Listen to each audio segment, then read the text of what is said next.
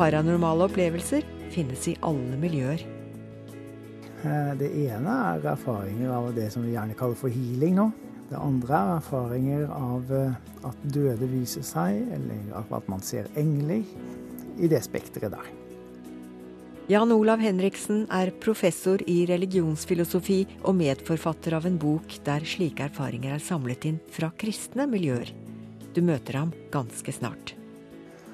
Jeg, eh, jeg syns det har vært en viktig påminnelse om at eh, det er slett ikke alt mellom himmel og jord som vi har ordentlig grep på. Mellom himmel og jord med Miriam Wiklund. Visste du at dyr kan være til stor trøst for de eldre som bor på pleiehjem, og at katter kan vise spesiell omsorg for de som er døende? Eh, vi ser at eh, de går mot den døra der de eh, ligger for døden, da. Mm. Og de legger seg opp i senga og, blir der. Snart får du høre om at katter, høner, fisker og kaniner kan skape trivsel på pleiehjem. Men først skal vi til et ganske annet sted.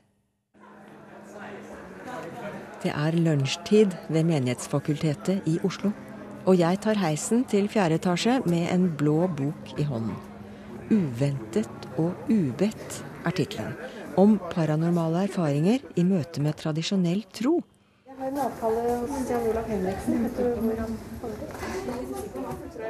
Etnolog og konservator Katrin Papst og professor i systematisk teologi Jan Olav Henriksen ved Menighetsfakultetet har samlet inn historier fra kristne mennesker som har hatt paranormale opplevelser. Eh, det ene er erfaringer av det som vi gjerne kaller for healing nå, på engelsk-norsk. Det andre er erfaringer av eh, at døde viser seg, eller at man ser engler. Det er erfaringer av urolige hus, og eh, det er ja, i det spekteret der. Ja. Da griper vi fatt i engleopplevelsene, eller opplevelser som tolkes i den retning. Det at noen blant oss hevder å ha hatt slike opplevelser, er blitt møtt med latter og hoderystende skepsis av mange, men tas på det dypeste alvor av andre, særlig de som har gjort erfaringene selv. For den det gjelder, kan slike erfaringer vise seg å bli skjellsettende. Og den, en lysende skikkelse meldte seg. Jeg vet ikke hva den lysende skikkelsen var.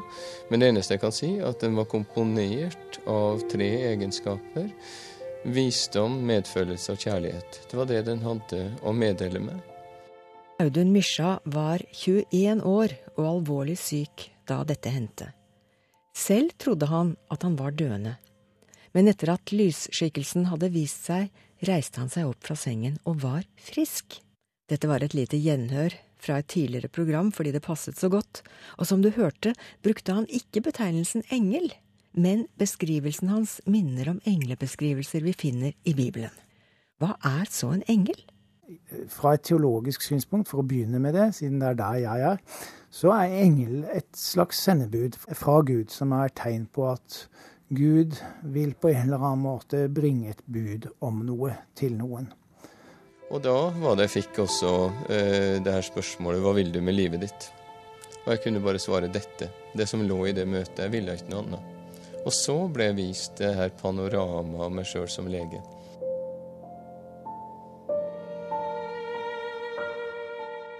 Og livet hans videre som lege har til dags dato blitt slik lysskikkelsen den gang viste ham. Opplevelser som dette har lenge vært uglesett i enkelte kristne miljøer, så vel som blant skeptikere. Det har ført til at mange holder dette for seg selv, sier Jan Olav Henriksen. Det som har gjort mest inntrykk på meg, har vært um, en blanding av um, det at mennesker uh, vil snakke om ting som har gjort dypt inntrykk på dem, på den ene siden.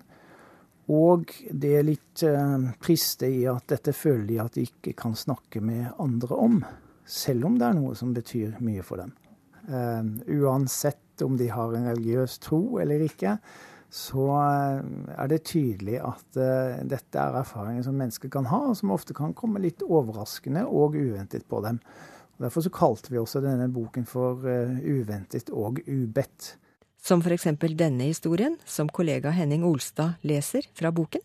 Vinduet var ikke låst, så det åpnet seg utover, og de tre voksne så skrekkslagent hvordan den lille jenta først sto i vinduskarmen, så lente seg fram og falt rett ut.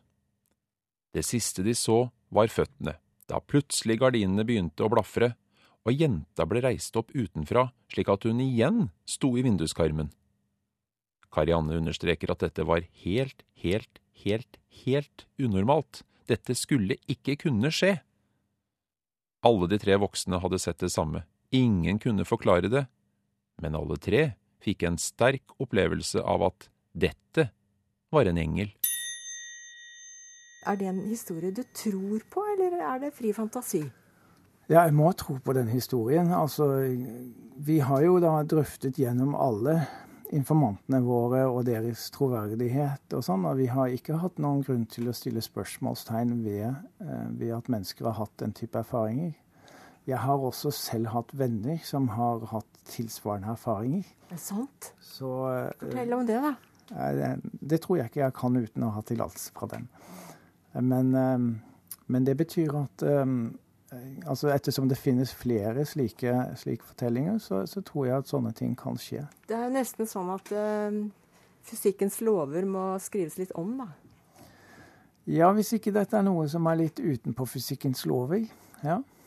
Jeg, jeg syns jo ikke det er noen grunn til å, til å tenke at det, disse tingene her opphever naturlovene. Det er bare en utfordring til å være litt kritisk til om naturlovene som vi kjenner, er i stand til å forklare alt som har med vår virkelighet å gjøre.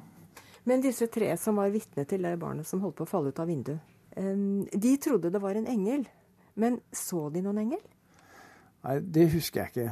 Eh, det, det, var ikke jeg som gjorde det intervjuet der, så det, det husker jeg ikke. De som vi imidlertid har intervjuet i denne boken, er mennesker som har et kristent livssyn, eller har hatt det, eller som hører til den tradisjonen på en eller annen måte. Og som eh, da fikk denne type erfaringer uventet og ubedt. Dermed så fikk vi sjanse til å se litt på hvordan de fortolker sånne erfaringer. Eh, og vi syns det var interessant bl.a. fordi at vi da eh, ofte har en sånn oppfatning populært nå som sier at det er erfaringer som tilhører det alternative feltet, mer enn det som hører til tradisjonell religiøsitet. Sånn tror jeg ikke det er. Jeg tror det at, eh, som jeg sa i stad, at eh, denne type erfaringer har mennesker eh, over hele spekteret av, av, livssyn. Ja. Fortolkninger det avhenger kanskje hva slags tro du har ellers, da? Det gjør det. det gjør det. Så en kristen ville fortolke det som Ja, en kristen ville rimeligvis fortolke dette som en engel. Ja. En erfaring som jeg ikke har referert i boken, men som jeg har hørt av en annen kilde, det er hvordan en en mann som var overbevist ateist, opplevde at han fikk se en person som han visste var død i nær familie. Og det hadde han jo selvfølgelig da store problemer med å komme til rette med, men han fant ikke noen, eh, noen måte å komme til rette med det på ut fra eh, det livssynet som han hadde. Så eh, dette er ikke bare sånn som liksom er disponert av hvilket livssyn folk har, men det er også disponert av at de faktisk gjør erfaringer med virkeligheten sånn som den møter eh, dem på ulike måter. Men innen psykiatrien så er det også sånn at hvis du ser si, grønne elefanter under senga, eller du ser en engel over senga, så kan det være tegn på at du ikke er helt eh, frisk i hodet. Eh, hvordan tenker du om det? Jo, det, jo, det tror jeg er helt riktig å trekke inn det elementet der. Og eh, vi var jo eh, også oppmerksom på det at eh, den type problematikk kunne være aktuell i forbindelse med noen av våre informanter. Men vi har på en måte sjekket det på alle mulige måter vi kunne, og fant ikke spesielle indikasjoner på at det var den type patologien i bildet. Nei. Men nå er altså du professor ved Det teologiske menighetsfakultet. Hva slags holdninger er det til dette stoffet blant dine kolleger? Jeg tror at eh, det som er eh, den generelle tilnærmingen til dette stoffet her i huset, er at dette hører til en del av det spekteret av erfaringer som, eh, som, mennesker også tar med inn i sin religiøse sammenheng, og tolker med, i lys av de religiøse ressursene som de har. Disse menneskene som har det vi kaller paranormale opplevelser, Kan de være en form for brobyggere mellom ulike ståsteder livssynsmessig?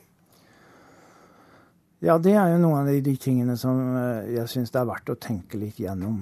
Fordi hvis det er slik at mennesker har denne type erfaringer på tvers av livssyn, så må det jo bety at det finnes en eller annen type realitet bak. Noe som liksom ikke vi bare konstruerer gjennom fantasi og forestillingsevne. Og eh, jeg kan godt forestille meg at mennesker med ulikt livssyn kan eh, kan eh, ha utbytte av å møte andre mennesker som har tilsvarende erfaringer, og snakke om det. Har du hatt sånne opplevelser? Jeg har ikke hatt eh, så spesielle paranormale erfaringer av den typen som vi refererer mest til i boken, nei. Men jeg kjenner til det. ja. På hvilken måte da? Noen mennesker som har vært meg nær, har opplevd å få kraftig forbedret helse ved, i kraft av at det har vært en dame med varme hender som har behandlet vedkommende. Det vekket min interesse. Det er eh, mange mennesker som har sånne gaver, og de eh, virker ofte i det stille. De, eh, de, gjør ikke så mye vesen av det, og det blir ikke noe støy, men de, de holder seg De holder seg liksom Om ikke skjult, så, så, er det ikke sånn at de henger opp skilt og reklamerer med det. Og det tenker jeg det er fint. Dette trenger i kristen tro så er det ikke sånn at dette skal ha mest oppmerksomhet, men det kan ha litt oppmerksomhet, sånn at mennesker kan få et bedre liv. Det sa Jan Olav Henriksen, som er professor i religionsfilosofi ved Det teologiske menighetsfakultet, og medforfatter av den nylig utgitte boken Uventet og ubedt. Mellom himmel og jord i NRK P1. Flere og flere har fått øynene opp for at kjæledyr kan virke beroligende og være godt for både helsa og humøret. For mange er det rett og slett en terapi å ha dyr i nærheten. Men hva gjør egentlig en gjeng med høner i bakgården på Tiller sykehjem i Trondheim? Blir man vekt slik hver morgen? Ja. Det er sånn gauling hver morgen. Her går de aldri altså ut, da? Vi har hatt dem inn på avdelinga noen ganger. Hønene? Ja da. Har gått inn på gulvet på avdelinga. Jeg har bilde av inne her, faktisk. Er det koselig? ja, jeg tror de opplevde det så koselig, de som bor her, ja. Men hva for høner? De er da greie å forholde seg til dem. De er i bur også. Fin å se på? Ja. Sykepleierne Inger Kvernberg og Anne Sylvi Storvold viser fram hønsehagen på Tiller sykehjem. Fire flotte høner og to haner spankulerer rundt i et stort, rødt bur. Meninga er at dyrene skal øke trivselen blant beboerne på sykehjemmet. Inne på demensavdelinga er det ikke bare hønene som blir lagt merke til, men òg katten Gitte. Det må, det må dere beholde her. Det må være katt her. Det må være katt her. ja. ja. Ellers så tror jeg det blir litt tomt ja. uten katter. Ja. Så har vi jo besøk av hunder litt sånn innimellom òg, da. Det ansatte kunne ta med seg hund på besøk, og pårørende tar med seg det. Etter flere år med katt og høner på sykehjemmet, har de ansatte på Tiller sett at dyr har en effekt hos de eldre. Ja, det vil jeg absolutt si. Eh, når de blir lagt i fanget til brukerne, så merker vi jo det at de blir roligere og får fram kanskje et språk som de ikke har hatt der tidligere. Det eh, kommer nye ord, spesielt i forhold til omsorg og øh, god å ta på. Ja. Og akkurat nå så sitter katten Gitte på Kjells fang. Så lenge hun ikke ryter, så er det greit at, at hun er her. Fin katt, ja. Fine katt. Men bruker du å snakke litt med henne? Ja. Hva har dere snakka om, da? Det er hemmelig. På Rosvallheimen sykehjem i Skaun kommune er det ingen galne vekkerklokker. Men dyr blir også brukt her til å la de eldre kjenne seg roligere, og det kan bl.a. fisk bidra med.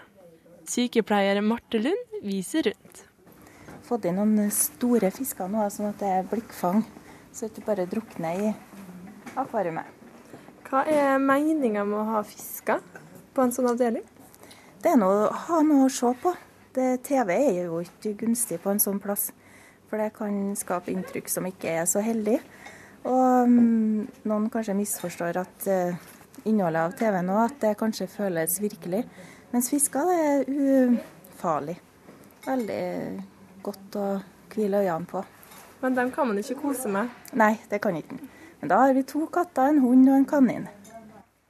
Ute i sansehagen på Rosvollheimen står et grått kaninbur med en dvergvedder. Rolf er en av dem som sørger for at kaninen alltid har selskap. Den trives her. Det er så mange som ser om den. Men en Rolf vil gjerne at det skal være to, da. Hvorfor det? jo, det syns jeg passer bedre. At det slipper å være alene. Det gjelder dyr likevel som mennesker. En ting at vi bryr oss om dyra, men dyra bryr seg også om oss. Det kommer tydelig fram når sykepleier Sissel Moen forteller om noe helt spesielt. At kattene kan sense mennesker som ligger på dødsleiet. Eh, vi ser at eh, de går mot den døra der de eh, ligger for døden, da. Mm. Og de legger seg opp i senga og, og blir der. Mm. Helt til det siste. Ja. Og det er spesielt ei da, som gjør det. Mm. Og det har vi opplevd det mange ganger. At katten kommer og legger seg ja, i ei seng? Ja, går til rommet der eh, vedkommende ligger og får snuse litt. Og, og får opp i senga, rett og slett. Hvor mange og, dager kan det da gå før vedkommende dør? Det kan gå mange dager, det. Mm. Tar seg noen turer ut, og så kommer han tilbake igjen. Ligger oppi senga, ligger oppi stolen. Ligger oppi en sofa, men du er liksom rundt der hele tida. Tar dere det som et tydelig tegn? Litt skummelt å si det, men uh, særlig hvis at vi ikke ser at det er så tydelig for oss enda. Men uh, så kan det komme en dag at vi ser at OK, her er det noe, noe likevel som katter har skjedd som ikke vi har uh, skjedd med en gang, da. Marte Lund kan også fortelle litt om dette fenomenet. Ja, så da ser vi at hvis at ei katt begynner å hoppe opp i senga, eller noe sånt, så er det kanskje noe på gang. Mm. Blir dere litt bekymra nesten når dere ser at en katt blir veldig klengende på en person? Nei, ikke bekymret, nei. Vi syns det er koselig når at de kan eh, ja, eh, være sammen med den. da. I likhet med tidligere sykehjem, så tar også de ansatte på Rosvollheimen med dyrene inn. Kaninen Diego sitter plutselig på et fang rundt aktivitetsbordet, hvor mange damer sitter og bretter gule håndduker. Har du tatt med kaninen inn? Ja, det er da for at han skal få menneskekontakt. Og Odin, ja, han springer rundt på gulvet. Ja, Odin er en kjælekar. Jeg liker dyr, så det liker alle sorter dyr. Så hvis du har planer om å besøke noen som bor på en institusjon, så kan du jo høre med betjeningen om du får ta med deg hunden din. Reporter i dette innslaget var Benedikte Bjørkmo. Du kan ikke anta at et menneske som bærer kors rundt halsen, nødvendigvis er kristen lenger. Du kan prøve deg på en tolkning hvis vedkommende overhodet ikke ser ut som en moteløve, men er veldig veldig nøkternt kledd, så kan du på en måte anta det. Men du vet jo ikke. Nei, kan man egentlig vite om et kors blir båret for troens eller for pyntens skyld? Vi skal i alle fall ta en nærmere titt på dette eldgamle symbolet om noen minutter.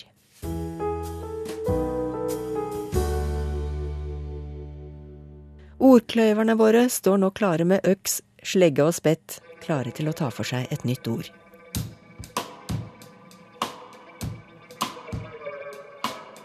Panel. Ja, jeg heter Didrik Søderlind. Jeg er litt for glad i bøker, filmer og plater, og har en sans for eh, engelsk fottøy. Jeg er også helt skallet, men kompenserer med skjegg og snurrebart. Ja, jeg heter Betty. Jeg eh, blir 50 år i oktober. Artist. Jeg tror på det guddommelige i mennesket. Jeg heter Marius Huseby, og jeg liker å late som om jeg er musiker. Jeg er omtrent 1,80 høy, har uh, hår på toppen av huet, helskjegg og masse tatoveringer. Ordet i dag er hat.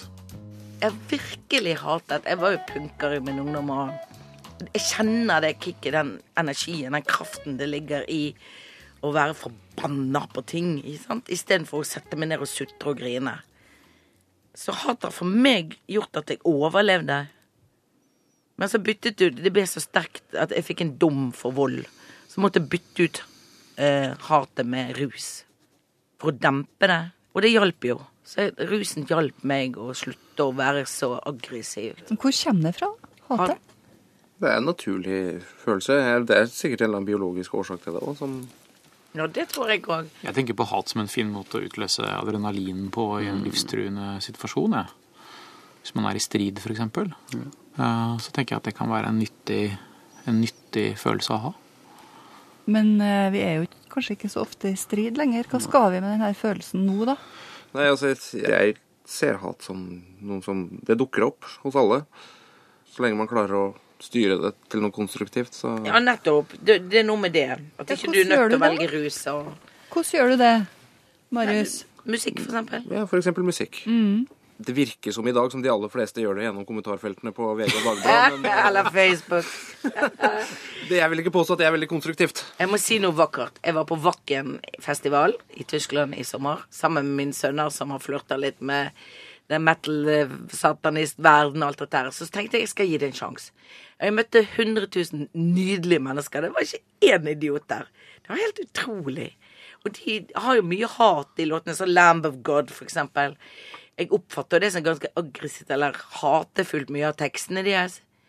Men, men eh, fader, for noen folk. Det var Så du tenker at de får det gjennom musikken? Får det ut gjennom musikken? Oh, yeah. Leve som vanlige mennesker. Ja. Og det er et godt råd, kanskje. Hva gjør du da, når du kjenner at det bobler opp i deg, det her hatet, BT? Jeg vet ikke, jeg har jobbet så mye med meg sjøl på dette temaet at jeg, jeg kommer aldri så langt igjen. Men jeg har vært veldig sånn i kommunikasjon lært meg hvordan jeg skal uttrykke sinnet mitt. Mm. Og det er jo ikke bebreid, altså det der ansvar for mitt eget sinne. Jeg eh, er veldig aktiv. Jeg, kan jo ikke ruse det bort lenger sånn, så jeg eh, Men jeg, jeg roper, altså. Jeg gjør det. Jeg jeg, har trent mye vokal med stemmen, så jeg er god på grunt og growl og Får vi en demonstrasjon? Ja, hvis du skal ha grunt, så er det Den lyden. Og for eksempel god når du Den er mest når du gråter, da. Når du er sint, så er det mer Mer Nei, faen! Da er vi der, liksom. Så det, for meg har det hjulpet mye å bare uttrykke innestengt sinne. Det er jo det verste. Da går jo det dårlig til slutt, altså. Så litt utløp for det, liten porsjon hver dag, det er Marius og Betty kan ta deg ut i musikken. Hva med du, Didrik? Kjenner du noe hat? Ja, men det, det gjør jeg. Det er ting jeg hater. Altså jeg, I likhet med Betty så hater jeg jo ideen om at kvinner steines, liksom, for et eller annet. Det syns jeg jo er Det er noe som er verdt å hate, men det er samtidig viktig å sørge for at det hatet da ikke smitter over på f.eks. alle de nordmennene som har en muslimsk tro eller kulturell identitet, som aldri ville finne på å være med på noe sånt, og tvert om syns det er helt grufullt. Mm. Hvis steining av kvinner i et muslimsk land gjør at du begynner å hate alle muslimer, du så vil du, aldri, vil du aldri klare å bli kvitt problemet. Jo vakkert sagt her, altså. Men jeg må bare sammenligne med Når jeg var i rehabilitering, så var det en jente som var der. Hun, når hun ble straffet av moren, så ble hun satt opp i et søppelspann. Og dette foregår i Norge. Og så tok moren og stakk kniv inn i søppelspannet, så det var litt tilfeldig hvor den kniven kom. Og nei, du hører sånne historier, og du er nettopp uh, sluttet med rus, så tenkte jeg bare gi meg et maskingevær, så skal jeg ordne opp, jeg. Og det var tanken min. Det er jo veldig umodent gjort å tenke sånn. og Jeg var veldig ung og eh, alt det der. Men likevel, som voksen, som liksom 30 år etterpå, så er det helt utilgivelig, det òg. Men det du sier med å mestre og, og um, kapsle inn det hatet, sånn at ikke det går utover alle andre mødre Skjønner du? Som du sier, det, du kan ikke bare begynne å hate mødre generelt, liksom, fordi at hun ble utsatt for det. Jeg har, jeg har hatet mye i mitt liv. Jeg har hatet foreldrene mine. Jeg har hatet Breivik.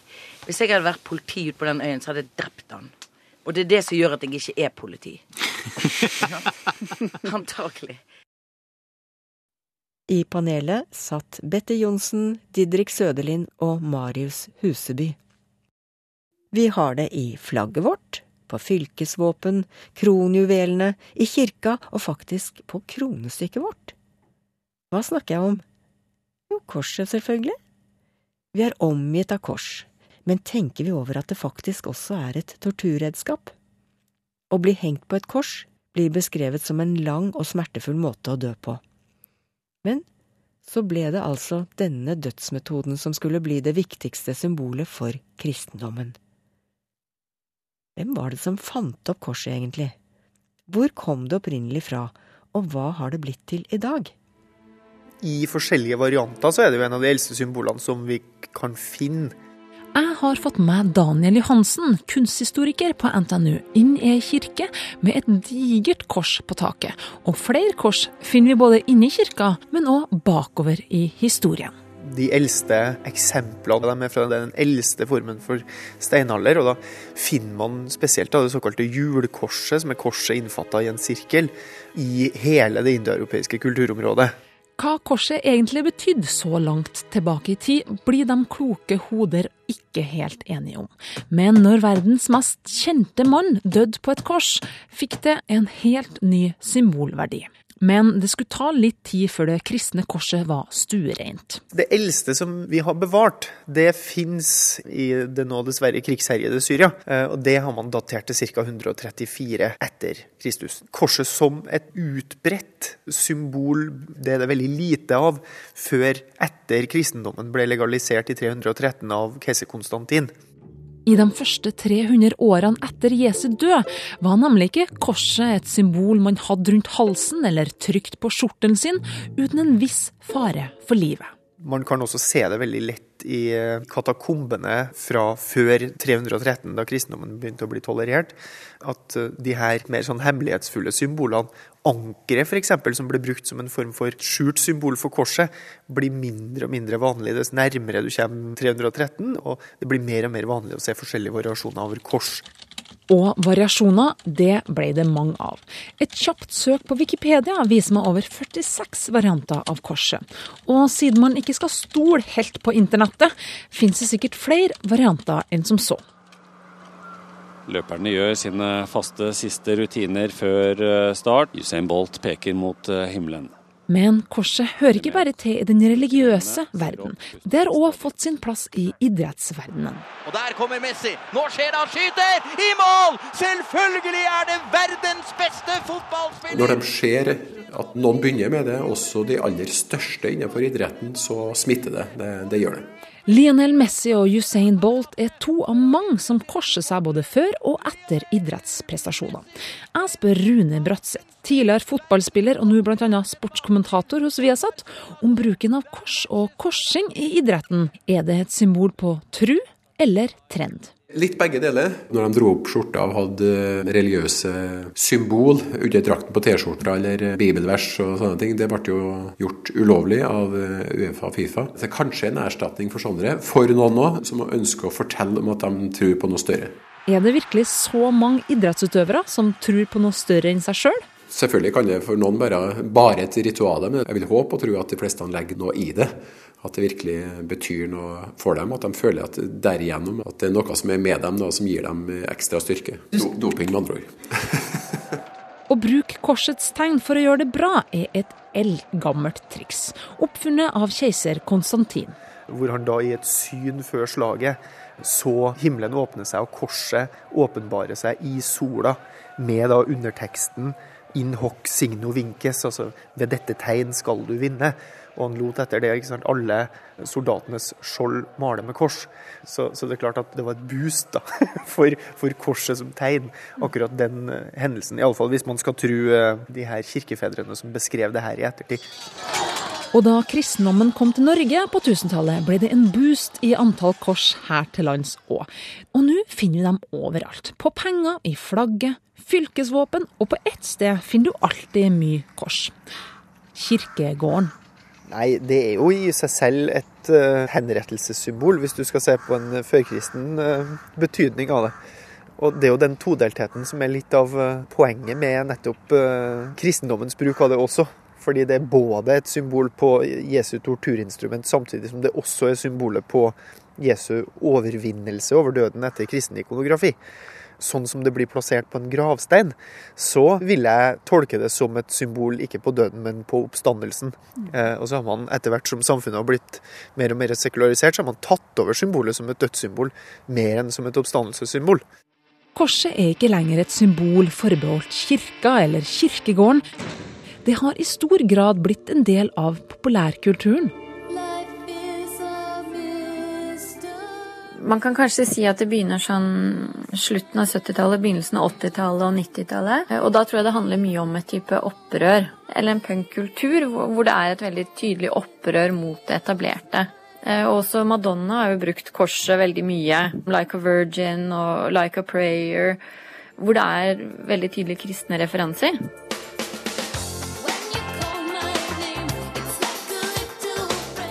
Kari Søreide er leder ved SOFI, School of Fashion Industry i Oslo. Og hun ser at korset ikke bare hører 80-tallsmoten til. Hun finner det òg i dagens motebilde. Nå for tiden så ser jeg at korset blir brukt på en mye mer sånn lett måte. Så både på tatoveringer og, og, på T-skjorter og sånne ting. Og da tror jeg det handler mye om at man leker litt med det. Jeg forstår helt at det er et ladet symbol. Og det tror jeg også de forstår, men, men, de er så vant til å omgi seg med symboler, og, og, kanskje de føler at det er lettere å bruke korset, fordi det på en måte tilhører deres kultur. Hvorfor tror du at det har blitt sånn omfavnende? Nei, Det handler bare om en lemfeldig bruk av symboler. Det er jo egentlig en effektiv tømming av symbolet sin kraft, da, om du vil. Det er litt sånn som norske flagget på, på motegensere. Altså det er en slags kastrering av symbolet. Korset som symbol, står det sterkere eller svakere? Eller hvordan står det egentlig til med det? Svaker er jo, vil jeg nå absolutt si. Fordi at det er en utstrakt, ubevisst bruk av det. Men det er ikke moteskolerektor Søreide enig i. Jeg snakket jo litt med flere av studentene våre, og de som brukte kors. Det var en som sa at hun brukte det litt for å minne henne på at hun hadde vært kristen da hun var yngre. Og for henne så var det på en måte et eh, litt sånn godt symbol. At det kunne minne henne på at hun hadde forandret seg eller vokst. Eller veldig mange av oss er jo vokst opp med det og kanskje har fått et lite gullkors når vi var liten. Og at man kan fortsatt være litt glad i det symbolet. Så selv om du bruker det på en T-skjorte, så tror jeg kanskje ikke at de har som intensjon om å søre noen, eller nødvendigvis gjøre et type opprør. Har kirka og de kristne mista monopolet på korset? Ja, i hvert fall her. I hvert fall i Vesten. Du kan ikke anta at et menneske som bærer kors rundt halsen, nødvendigvis er kristen lenger. Du kan prøve deg på en tolkning hvis vedkommende overhodet ikke ser ut som en moteløve, men er veldig veldig nøkternt kledd, så kan du på en måte anta det. Men du vet jo ikke lenger. Så du kan si det, det sier ingenting om mennesket på den måten det gjorde før, pga. bruken det nå har fått. Det var reporter Kristin Norvald Mork som hadde tatt en nærmere titt på bruken av korset både før og nå. Mellom himmel og jord går mot slutten for denne gang. Jeg heter Miriam Wiklund og lover at vi er tilbake neste søndag til samme tid. Og hvis du vil høre dette programmet om igjen, ja, da finner du oss på NRK Pluss i kveld, i timen mellom klokka 21 og 22. For å få til det må du enten ha skaffet deg en DAB-radio, eller høre på oss via nettradioen. Gjenhør kan du også få hvis du klikker deg inn på radio.nrk.no, eller laste oss ned som podkast, uten musikk, da, via nrk.no skråstrek podkast. Og så tar vi gjerne imot ros, ris eller gode tips. Skriv til himmel og jord i ett ord. Altså himmel og jord krøllalfa nrk.no. Eller send brev i posten. Mellom himmel og jord, NRK 7005 Trondheim. Ha en herlig søndag.